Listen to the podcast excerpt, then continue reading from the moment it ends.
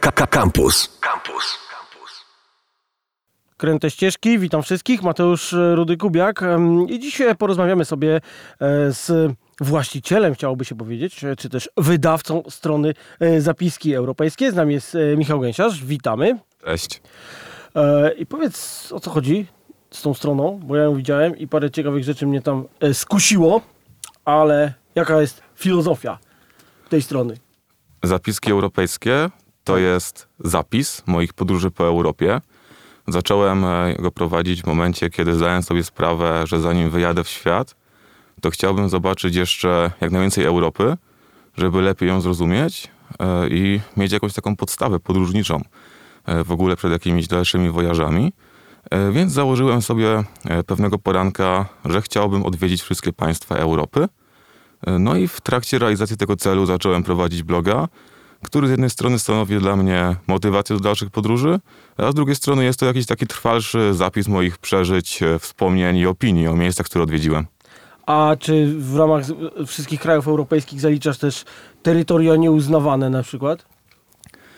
E, Zrobiłem sobie taką własną listę. Ona jest trochę w poprzek różnych koncepcji geograficznych. Okej. W każdym razie zaliczam Naddniestrze, zaliczam oczywiście Kosowo, natomiast zamiast Kazachstanu wziąłem Cypr, dlatego że Cypr wydaje mi się bardziej europejski kulturowo, natomiast Kazachstan chciałbym kiedyś odwiedzić przy okazji jakiegoś większego wyjazdu do Azji Środkowej, bo wydaje mi się, że właśnie tam on przynależy bardziej niż do Europy. No to chyba tylko do Europy przynależy Federacji Piłkarskiej, z tego co mi wiadomo. No do Federacji Piłkarskiej Europejskiej to wiele krajów przynależy, a Izraela, który jest w UEFA, nie zamierzam robić w ramach Europy. No tak, no ale Izrael z kolei dopuścić do gry z arabskimi krajami, to by się skończyło e, raczej słabo, myślę, takie mecze. Ale skupmy się na Europie. Słuchaj, ja tu u Ciebie zacząłem bardzo ciekawą opowieść o pewnej estońskiej wyspie. E, Estonia ogólnie jest krajem, gdzie rzadko się z Polski jeździ, a jest bardzo piękna i, i, i warto tam jeździć i warto, warto o niej coś opowiedzieć. Więc może powiedz o tej wyspie. Co to za wyspa w ogóle jest? E, Więc tak, to jest ciekawa historia. E, Zawsze przed wyjazdami odpalam sobie mapę i oglądam, co ciekawego w okolicy mogę znaleźć, a co niekoniecznie jest wymienione gdzieś tam na TripAdvisorze. E, No i przed wyjazdem do Talina zacząłem sobie klikać wyspy, które są wokół, wokół tego miasta. W pewnym momencie zauważyłem, że jedna wyspa jest w całości zalesiona, ale po przybliżeniu okazało się, że są tam jakieś składy radzieckich rakiet. No i zacząłem klikać więcej, więcej, więcej. Okazało się, że na tej wyspie jest ogrom fortyfikacji poradzieckich, e, fortyfikacji zniszczonych, zarośniętych, ale odbywa się tam jakiś ruch, bo wyspa ma port. No więc szybko wpisałem nazwę Naisar w Google i okazało się, że jak najbardziej e, jest to wyspa, która przez lata była bazą morską. Jest to wyspa, e, gdzie podczas rewolucji bolszewickiej powołano niezależną Republikę Radziecką, która przetrwała tam kilka miesięcy i została spacyfikowana przez Niemców. E, Jest to wyspa, na której e, podczas zimnej wojny Związek Radziecki instalował swoje bazy rakietowe i stwierdziłem, że to jest miejsce, to jest wyspa, na którą muszę popłynąć. Generalnie była to dość ciężka dla mnie przygoda, bo są dwie możliwości, żeby zobaczyć Najsar. E, Prom jest jeden dziennie, tam i z powrotem. E, No i to jest tak, że jeżeli w ciągu tych sześciu godzin, które zostawiają na wyspie, e, nie wróci się na prom, to trzeba gdzieś tam na tej wyspie na dziko nocować, chociaż jest też jeden guest house. E, Więc ja oczywiście stwierdziłem, że spośród dwóch opcji, które oni oferują, czyli zwiedzanie na własną rękę, e, albo wycieczka jeepami e, po wyspie, taka wy- wycieczka oprowadzana, no, wezmę oczywiście tą pierwszą opcję, czyli zrobię wyspę, wyspę na własną rękę. Nie wydawała się jakaś wielka. E, Wydawało mi się to jakieś takie ciekawsze, że będę chodził sobie po tych opuszczonych bazach rakietowych na własną rękę. Wszystko byłoby super, gdyby nie to, że w momencie wejścia na prom e, zepsuł mi się telefon. E, No i z tym zepsutym telefonem, e, pozbawiony jakiejkolwiek mapy, pozbawiony jakiegokolwiek kontaktu ze światem, co więcej pozbawiony nawet zegarka, e, ponieważ mój ówczesny zegarek, który nosiłem na ręce, nie, do końca działał i tylko mogłem mniej więcej orientować się, która jest godzina. Zacząłem buszować po tej wyspie, zabłądziłem na niej. Na szczęście trafiłem na biwakujących Estończyków, którzy wskazali mi drogę do jednej z większych atrakcji, która jest właśnie opuszczoną kantyną żołnierską. No i dalej już z tej kantyny jakoś udało mi się wzdłuż torów kolejki, która oczywiście już nie kursuje, dotrzeć z powrotem do portu. E, Była to naprawdę duża przygoda. Oczywiście po części zobaczyłem to, co na tej wyspie się znajduje, chociaż chciałbym tam kiedyś wrócić i zobaczyć to, na co zabrakło mi czasu i czego nie udało mi się zobaczyć z powodu braku jakiejkolwiek mapy i jakiegokolwiek kontaktu ze światem. Ale jako taki przedsmak e, w ogóle tej dzikości Najsaru e, było to coś wspaniałego i będę polecał Najsar każdej osobie, która odwiedza Tallinn, bo o ile Tallinn w ogóle teraz bardzo promuje się turystycznie, i stara się przyciągnąć ludzi z całego świata i to widać, bo jest wymieniany przez Lonely Planet i różne inne. I reklamy w każdej taniej linii Talina samolotowej będziesz miał wszędzie. Oczywiście, zawsze w gazetce Wizera można znaleźć jakieś ciepłe słowa o Estonii i przede wszystkim o Talinie.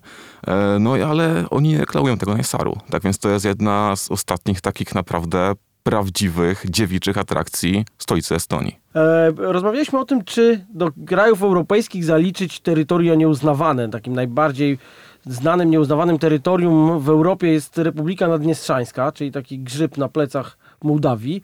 E, no i ty byłeś w Mołdawii, byłeś tam, opowiedz coś tam, jak, jakie wrażenia po wjechaniu do ostatniego bastionu sowieckości w Europie? Mołdawia jest w ogóle bardzo ciekawym krajem, bo zarazem jest e, jednym z najbiedniejszych państw Europy, ale także jest jednym z najbardziej wielokulturowych państw na naszym kontynencie. E, są tam Rosjanie, Ukraińcy, oczywiście Mołdawianie, e, co do których trwa debata, czy oni są odrębni od Rumunów, czy są odrębną nacją, czy to są po prostu Rumuni. Jest tam też sporo mniejszych grup, jak chociażby Bułgarzy.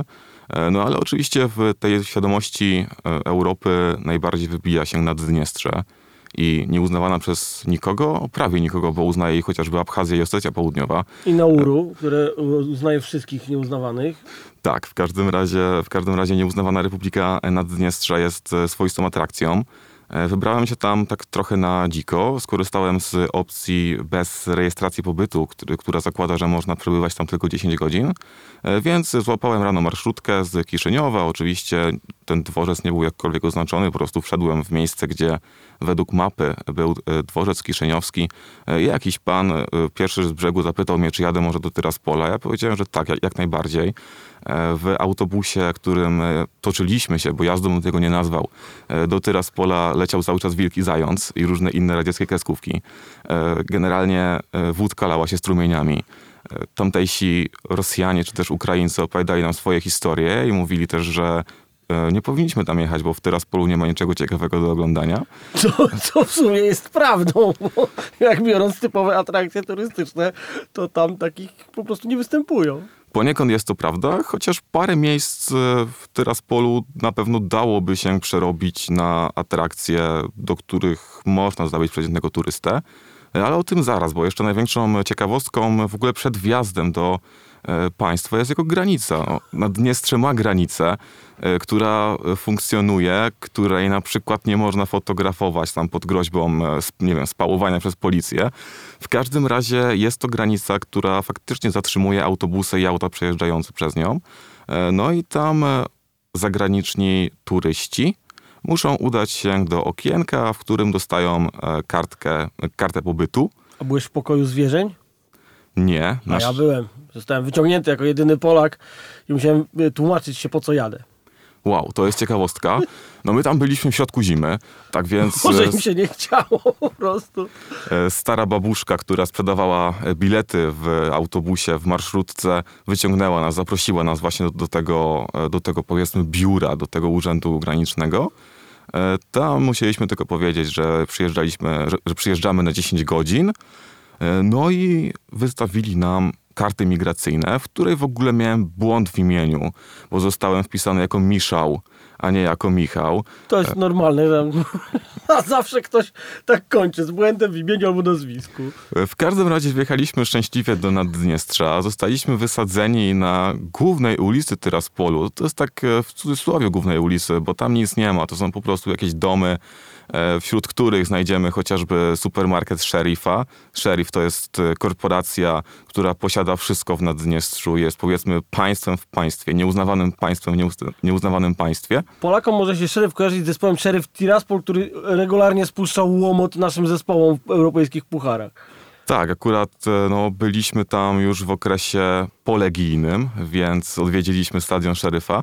I tutaj akurat muszę przyznać, że to jest świetna robota, ponieważ oni mają dużą akademię piłkarską, e, mają krytą halę, e, mają bardzo nowoczesny stadion. E, Tak więc widać, że te inwestycje w piłkę nożną w Naddniestrzu są robione na poważnie.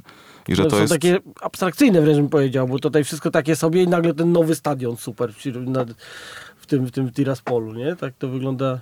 Tak, to jest abstrakcyjne, ale to jest też e, bardzo wschodnie. Takie inwestowanie właśnie w jakieś pokazowe kompleksy sportowe, e, czy też jakieś kulturalne. No a wracając do samego Tyraspolu, e, miasto w środku zimy było smutne i ciekawe zarazem. Przede wszystkim większość w ogóle ludzi, których spotkałem na ulicach, tam była pijana. Tych ludzi nie było zbyt wiele, ale wiele osób, na przykład kiedy robiłem sobie zdjęcie pod pomnikiem Lenina, brało mnie za Amerykanina. Pytali mnie, czy ja Amerykaniec. Pytali mnie tam o jakieś dolary. Ja po rosyjsku mówię średnio, jestem w stanie się dogadać, kiedy ktoś niekoniecznie zasypuje mnie jakimś właśnie potokiem takich pijackich wynurzeń o Ameryce, biorąc mnie za Amerykanina. E, W każdym razie było ciekawie. Koniec końców nawet udało mi się pogadać z jednym z żołnierzy. Znaczy, to jest, to jest dużo powiedziane żołnierzy. To był ewidentnie chłopak z jakiejś szkoły żołnierskiej, który po prostu pełnił służbę, czy to w ramach praktyk czy jako jakieś przysposobienie do późniejszego zawodu. E, Był bardzo miły, trochę pogadaliśmy, zapytałem, czy mogę sobie zrobić zdjęcie z jego czapką. Powiedział, że niestety nie, ponieważ jest w uniformie, ma sobie pagony żołnierskie, więc e, nie może w żaden sposób dzielić się ze mną swoim e, mundurem, ani nie może też stanąć obok mnie na zdjęciu. E, W każdym razie samo zwiedzenie Tyraspolu to są 3-4 godziny spaceru. E, Zbyt wiele muzeów tam nie ma. E, Są parki, można pospacerować po parkach. E, Jest rzeka, więc można Fajnie też... położona ta rzeka z taką, z takim, taką skarpą. Tak, e, można nad tą rzeką odpocząć. Jest sporo pomników poradzieckich, jak chociażby czołg T-34, który jeżeli dobrze złapiemy go e, na zdjęciu, jest idealnie e, wycelowany w stojącą obok cerkiew. Centralnie w wieży. Tak, dokładnie. E, Jest też e, oczywiście trochę instytucji kulturalnych, które są ciekawe. Na przykład e, Uniwersytet nosi imię Tarasa Szewczenki, czyli jest to z kolei- taki ukraiński ukłon. Są teatry, które pewnie jak w większości miejsc na wschodzie stoją na całkiem wysokim poziomie w stosunku do tego, co można by się po tym kraju spodziewać.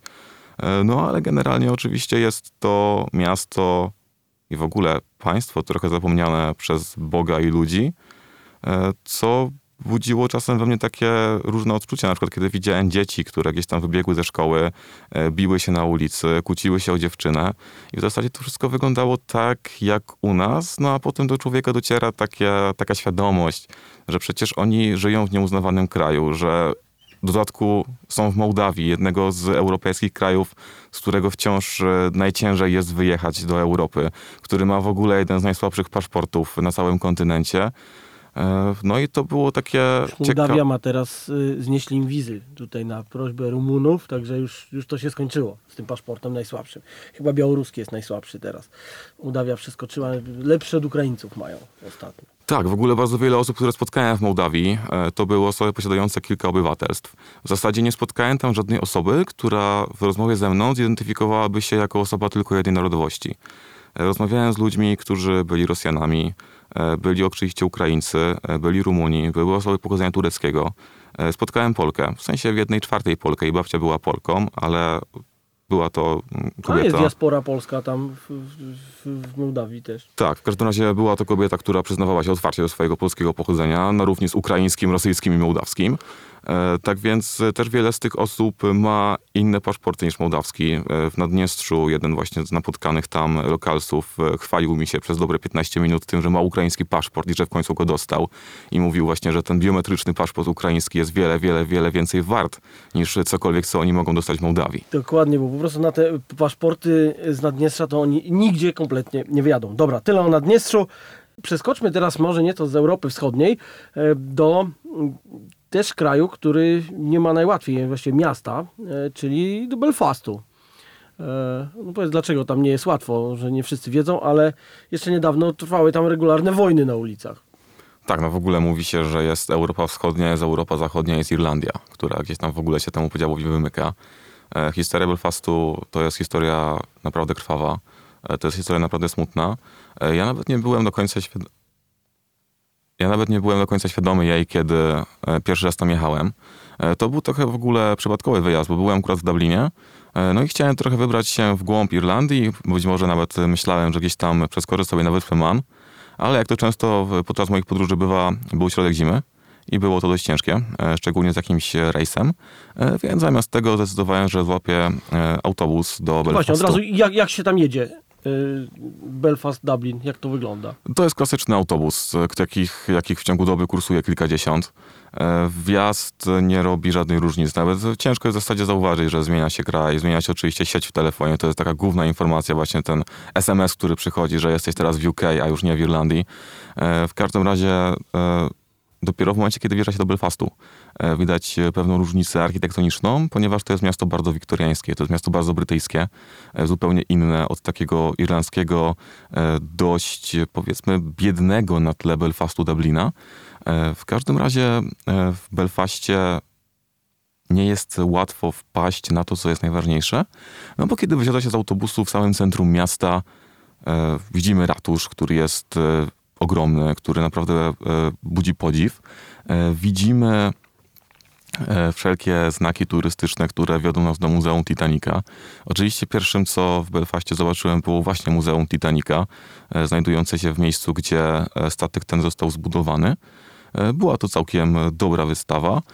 W każdym razie później pobiegłem, miałem trochę mało czasu akurat, żeby to wszystko odpowiednio wymierzyć. E, Pobiegłem e, do murów miejskich, a w zasadzie no ciężko powiedzieć miejskich, bo są to mury, które dzielą miasto na pół.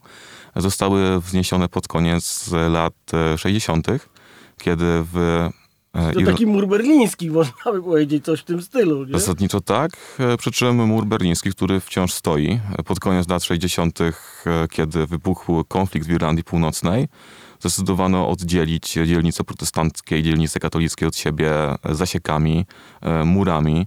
E, Warto pamiętać o tym, że no tam zasadniczo przez kilkadziesiąt lat e, co miesiąc ginęli ludzie, dochodziło do jakichś rozruchów. E, Aktów Właśnie terroru regularnych.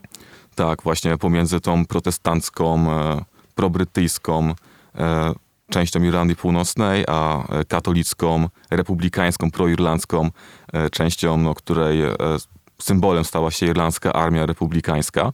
E, W każdym razie w Belfaście oraz w Londonderry, e, bądź też Derry, jak nazywają to miasto Irlandczycy, e, te podziały są najbardziej widoczne, ponieważ do dzisiaj istnieją te tak zwane peace walls, czyli mury pokojowe. One zostały wniesione, jak już mówiłem, w latach 60., natomiast przez wiele, wiele lat bardzo poważnie spełniały swoją funkcję. I kiedy byłem tam przed dwoma laty, one cały czas istniały, pomimo tego, że już powoli zaczynają się ruchy, mm, które mają na celu zlikwidowanie tych murów. E, To jest doświadczenie straszne, bo tak naprawdę idzie się spokojną ulicą domków jednorodzinnych e, i nagle wyrasta wielki mur e, zakończony zasiekami. E, Na tym murze e, jest oczywiście masa graffiti, bo tym, co stało się symbolem Belfastu i w ogóle symbolem tych murów, e, to jest właśnie graffiti polityczne, które po obu stronach się pojawia. No i ja za pierwszym razem wyszedłem akurat od strony protestanckiej i chciałem w jakiś sposób przejść na stronę katolicką. No to okej, przeszedłem tą najbardziej znaną część muru i myślałem, że może w pewnym momencie te zasieki się kończą. Otóż nie, musiałem nadłożyć 3 km pieszo i wrócić się tą samą drogą, którą przyszedłem do samego centrum, ponieważ tak naprawdę dopiero w centrum e, miasta e, te mury ustępują i trzeba wszystko obchodzić dookoła. E, No dobrze, miałem trochę mało czasu, była godzina 21, e, więc e, powiedzmy, że biegiem e, wybrałem się do dzielnic republikańskich, e, irlandzkich, e, tych, e, no powiedzmy, chyba w ogóle ciekawszych z perspektywy historycznej. E, Tam oczywiście wieczorem nie jest zbyt bezpiecznie, bo poza tym, że e, ta ulica Falls Road e, i dzielnica Falls, e, ona nie, nie bez powodu jakby stała się tym, powiedzmy, gniazdem szerszeni, jeżeli chodzi o Ira. E, To faktycznie była dzielnica robotnicza, dzielnica na polskie warunki powiedziałbym dość patologiczna. E, No nie było tam bezpiecznie. Akurat e, spacerowałem sobie wzdłuż e, tego e, muru z graffiti, e, kiedy w rowerzystę z Uber Eats, e, czy jakiejś podobnej kompanii przede mną ktoś rzucił butelkę. Tak po prostu z okna wychylił się i rzucił butelkę. E, Miałem dużo szczęścia, że ona nie trafiła we mnie, ale też chyba nie była we mnie wymierzona. W każdym razie samo graffiti jest naprawdę dobre. Ono zmienia się cyklicznie.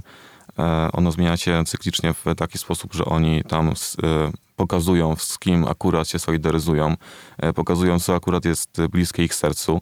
Oczywiście ta strona katolicko-republikańska jest zarazem stroną radykalnie lewicową, więc można znaleźć w internecie zdjęcia murali chociażby z Che Guevarą, Ja akurat na Che Guevara nie trafiłem, ale kiedy tam byłem, no to spotkałem oczywiście Fidela Castro i jego po, pośmiertne upamiętnienie. E, Spotkałem murale solidaryzujące się z Katalonią, bo to był okres, kiedy była to największa, powiedzmy, kłótnia e, polityczna e, w Katalonii. No i bardzo wiele murali nawołujących do zwolnienia jeńców wojennych, jak aresztowanych przez Brytyjczyków bojowników IRA nazywają sami Irlandczycy. E, No i również wiele, wiele murali, które życzą śmierci Brytyjczykom i e, sugerują, że jeżeli jakiś Brytyjczyk na ulicę Falls się zapuści, to może spotkać go dość mizerny koniec. Straszne rzeczy opowiada. Szczerze mówiąc, myślałem, że takie już historie się skończyły, ale widać, że mury w Europie są i te najgorsze mają się dobrze. Mówiąc o krajach, które są skomplikowane, nie bylibyśmy sobą, gdybyśmy nie powiedzieli czegoś o Bośni. E, No i jednym z ładniejszych miast w Europie, jakim jest Mostar, e, gdzie też wiem, że, że byłeś. I, I jakie są twoje wrażenia z tego e, kraju, który jest złożony z trzech krajów, a w zasadzie to właśnie nawet nie wiadomo, co o nim można powiedzieć, bo jest dość skomplikowany. E, Mostar jest o tyle w ogóle ciekawym miejscem, że on jest e, bardzo wypromowany turystycznie ze względu na Stary Most, który jest... e, Kopią tak naprawdę. Tak, jest, jest oczywiście kopią, bo oryginalny Stary Most został zniszczony podczas wojen w latach 90.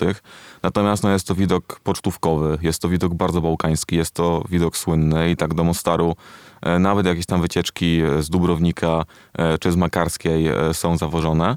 E, W każdym razie Mostar no, kryje w sobie dwie historie. Oczywiście jedna to jest ta taka popularna, turystyczna, e, gdzie jest ten stary most, e, z którego lokalsi skaczą do wody. e, za- datki od gawiedzi. Tak, e, za no, coraz e, to większymi opłatami, bo im więcej turystów, tym więcej tych marek bośniackich, które są kopią swego czasu istniejących marek niemieckich. E, Marka konwertabilna, tak to się nazywa dokładnie. tak, tych nazw jest wiele. W każdym razie no, jest to chyba ostatni w ogóle taki relikt dawnych walut w Europie, czyli marek niemieckich już nie ma, ale są marki, są marki bośniackie. No, w każdym razie oprócz właśnie tej ładnej, obrazkowej, turystycznej wizji Mostaru e, można bardzo łatwo znaleźć inną. Można bardzo łatwo znaleźć Mostar wojenny E, i ten Mostar wojenny ukazuje nam się na dwa sposoby. Przede wszystkim jeden z głównych placów w mieście jest e, powiedzmy nieodnowiony. E, Cały czas w asfalcie można znaleźć tam ślady po kulach. E, Cały czas istnieje tam tak zwana wiera snajperska. E, Wiera snajperska, czyli budynek, który w latach 90. służył snajperom e, do ostrzeliwania no, tego biednego starego miasta w Mostarze. E, Dzisiaj e, można tam oczywiście wejść, jest to teoretycznie nie- nielegalne, ale w praktyce istnieją podkopy, istnieją różne nasypy, które pozwalają przeskoczyć e, przez obramowanie, przez te bariery, które zabraniają teoretycznie wstępu na wieżę snajperską. Natomiast sama wieża jest jednym wielkim polem do popisu dla artystów ulicznych. Znajduje się tam wiele ikonicznych graffiti, murali, napisów, które no przede wszystkim w swojej wymowie są antywojenne. E, Natomiast oprócz tej wieży można znaleźć w Mostarze w wielu, wielu naprawdę miejscach różne inne budynki zniszczone przez wojnę albo noszące ślady wojny i nigdy nie odbudowane. E, Wystarczy tak naprawdę po prostu zagłębić się w uliczki, ewentualnie podpytać kogoś, ludzie na pewno chętnie pomogą. Natomiast drugi obraz wojny, jaki możemy zobaczyć w Mostarze, to jest obraz piłkarski. E, Miasto jest podzielone pomiędzy dwa kluby piłkarskie, Welesz i Zriński. E, Pierwszy oryginalnie był klubem wielokulturowym, był jednym z powiedzmy najwspanialszych w ogóle produktów polityki, jugosławiańskiej polityki Tity przełożonej na e, piłkę nożną. Natomiast e, Zriński jest to klub Ustaszy, jest to klub nacjonalistów chorwackich, e, który po roku 46 aż do upadku Jugosławii działać nie mógł, ponieważ został z oczywistych powodów zakazany przez komunistów. No i w momencie, kiedy w latach 90. Zriński został na nowo powołany do życia przez chorwacką mniejszość w Mostarze, bo jest to miasto podzielone pomiędzy Chorwatów Nie wiem, a... czy słowo mniejszość tutaj jest, ten, bo tam są te y, trzy składowe y, narodowościowe, także tutaj W zasadzie tak. W zasadzie w przypadku Mostaru w tej chwili, jeżeli spojrzymy na to, jak to miasto się układa, e, to ono jest bardzo chorwackie.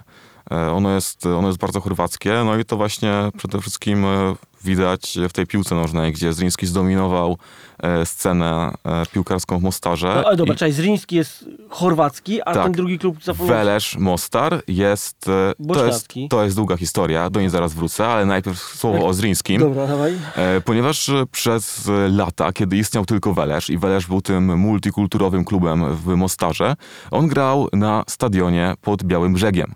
E, No i kiedy rozpoczęła się wojna, to Chorwaci zajęli ten stadion pod Białym Brzegiem e, i przejął go e, Zriński. Tak więc stadion w Mostarze jest jednym z ważniejszych punktów, na który w ogóle warto się zapuścić, ponieważ to jest właśnie pokaz tego, jak to państwo zmieniało się w latach 90., jakie tam działy się tragedie, e, bo można powiedzieć, że to jest tylko stadion piłkarski. Nie, to jest aż stadion piłkarski i symbol tego, jak e, no, swego rodzaju nacjonalistyczna bojówka e, przejęła obiekt, który należał wcześniej do klubu realizującego tę zasadę wielokulturowej, pokojowej Jugosławii. Zresztą zaraz obok stadionu Zrińskiego znajduje się bardzo ładny komunistyczny pomnik, a w zasadzie a w zasadzie memoriał e, poległych w II wojnie światowej e, Partyzantów. mieszkańców Mostaru i partyzantów, którzy walczyli o Mostar. E, Natomiast e, Welesz został wyrzucony za miasto. E, Dzisiaj ten stadion znajduje się w jednej z wiosek pod Mostarem. E, Natomiast no, sam klub e, pod wpływem e, tego, co zaczęło dziać się w Mostarze, e, zszedł z tej e, wielokulturowej e, pozycji, jaką zajmował w okresie Jugosławii, na pozycje nacjonalistyczne bośniackie. I w zasadzie jedyne, co zostało po tym okresie, e, po latach 80., 70., kiedy ta drużyna nawet z powodzeniem grała e, w europejskich pucharach, e, to jest ich e, chuligańska ekipa kibicowska, która nazywa się Czerwoną Armią Mostaru. I nie jest to żaden przypadek. To jest e, Czerwona Armia, która identyfikuje się z czerwonymi gwiazdami, z komunizmem i połowa Mostaru, w tym cała Starówka, która powiedzmy, że należy do tej muzułmańskiej bośniackiej opcji, e, jest wypełniona grafami e, właśnie tej czerwonej armii Mostaru, e, grafami w swojej wymowie bardzo komunistycznymi. E, Często można tam jeszcze znaleźć jakieś e, grafy związane z antyfaszystami. Oczywiście w wielu miejscach upamiętniona jest Srebrenica. E, Tak więc na pewno jednym z ciekawych sposobów na zwiedzenie Mostaru e, jest zagłębienie się w sztukę uliczną, produkowaną w zasadzie głównie e, przez e, ultrasów albo też chuliganów związanych z Welerzem Mostar. A w jakim e, okresie ty byłeś? Bo ja byłem latem i strasznie dużo turystów było. Aż, aż, aż ciężko było zwiedzać ten mostar. E, Tak, ja też byłem latem. E, Byłem e, w lipcu. E, Natomiast e, właśnie od turystów ucieka- uciekałem w te pamiątki wojenne, jeżeli można to nazwać pamiątkami. Oczywiście Stary Most pełen był turystów, pełen jest też kieszonkowców. Jednemu z naszych kolegów ukradli portfel z dokumentami między innymi samochodu. Mieliśmy potem bardzo ciężką przeprawę z bośniacką policją, żeby to wszystko wyklarować. Musieliśmy jechać do ambasady po paszport tymczasowy, po potwierdzenie zgubienia prawa jazdy, no bo wiadomo, że bez tego na granicy ani rusz. E, W każdym razie, jeżeli tylko ucieknie się od tych najpopularniejszych miejsc w mieście, czyli od e, Starego Miasta, e, no i Starego e, Mostu, e, to można znaleźć w Mostarze wiele miejsc, e, powiedziałbym, dziewiczych, e, w których można odpocząć i można też zobaczyć kawał niekoniecznie wygodnej historii tego miasta. Wystarczy czasami bardzo blisko od tego mostu odejść i już za, zrobi się zupełnie, zupełnie inaczej. Dobra, słuchaj, musimy kończyć, tak na koniec. Podsumowując, zapiski europejskie i wszystkie twoje wojaże, co chciałeś przekazać społeczeństwu? E, Więc tak, no jednym w ogóle z najważniejszych e, aspektów e, zapisków, jedną z najważniejszych rzeczy, jaką ja chcę przekazać, e, pisząc tego bloga, e, jest e, świadome podejście do podróży. E, Chciałbym, żeby osoby, które gdzieś wybierają się w podróż, e, miały pewne tło historyczne miejsc, do których się wybierają. Wiedziały mniej więcej o pewnych konfliktach, które tam się toczą.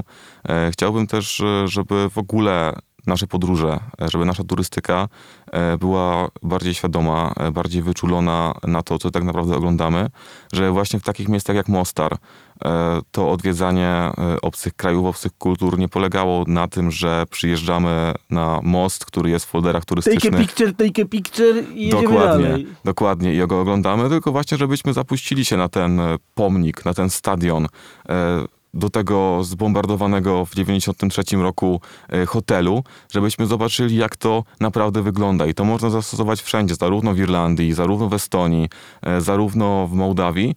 I to jest tak naprawdę dla mnie przynajmniej najważniejsze w turystyce czy też w podróżach, e, żeby wrócić bogatszym o jakąś historię, żeby wrócić z odwiedzonego miejsca bogatszym w zrozumienie dla tego kraju, dla tych ludzi i też dla całego świata. Czasami może być to niezrozumienie, tylko zadawanie sobie jeszcze więcej pytań po prostu, tak jak w przypadku Bośni za każdym razem jak tam jadę, to, e, to nie jest łatwo. Dobra, słuchaj, musimy kończyć e, w takim razie. E, zapiski europejskie, zajrzyjcie sobie, e, na pewno łatwo to znajdziecie. Michał Gęsiarz był dzisiaj e, naszym gościem. Dziękujemy. Dzięki. Campus. Cześć Warszawo!